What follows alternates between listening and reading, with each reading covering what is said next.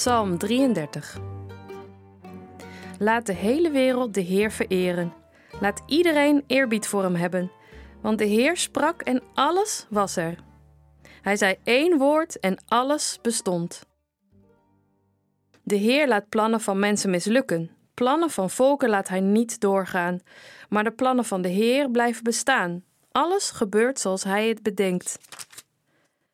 Gelukkig is het volk dat leeft met de Heer. De Heer is hun God, hij heeft hen uitgekozen. Vanuit de hemel kijkt de Heer omlaag, hij ziet alle mensen op aarde.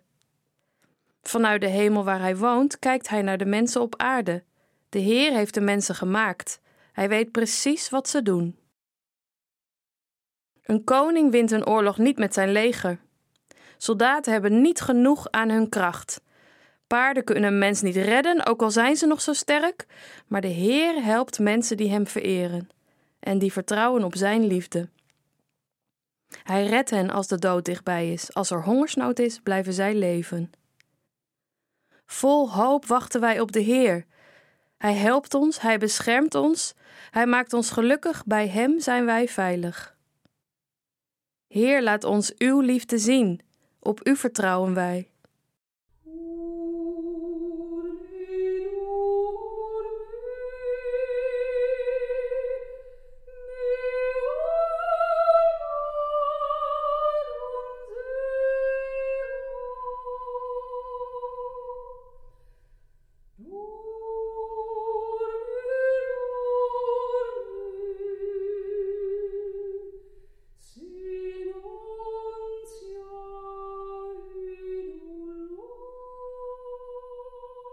Het begin van deze psalm hebben we overgeslagen. Daar staat dit in het eerste vers: Juich mensen die horen bij de Heer. Zing allemaal voor hem. En daarna jubelt de dichter verder, want, zo zegt hij, de Heer is hun God. Hij heeft hen uitgekozen. De Heer helpt mensen die hem vereren en die vertrouwen op zijn liefde. Maar dit pik ik eruit. Vers 8 en 9. Laat de hele wereld de Heer vereren. Want de Heer sprak en alles was er. Hij zei één woord en alles bestond. Eén woord, één grote knal. Maar dat is natuurlijk interessant. Hoe schept de Heer de wereld? Hoe schept Hij de natuur? Hoe schept Hij ons? Niet door te kleien, niet door boetseren, niet door een handeling, niet door magie, maar door te spreken. Ja, dat is dan ook magie, hoor ik je denken. Maar dat staat er niet. God schept door te spreken. Daarom heeft God in de Bijbel ook geen naam, zoals Zeus of Apollo. Want een naam geeft een begrenzing aan. Een naam is afgebakend. En God kent geen grenzen. Hoe denk jij over spreken?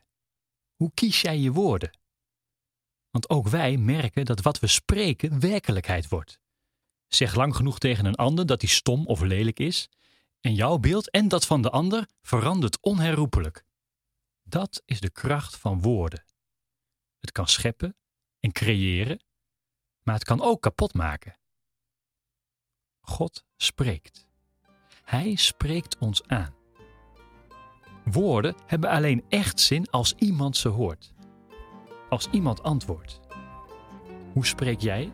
Hoe antwoord jij? En hoe antwoord jij op de stem van God van vandaag?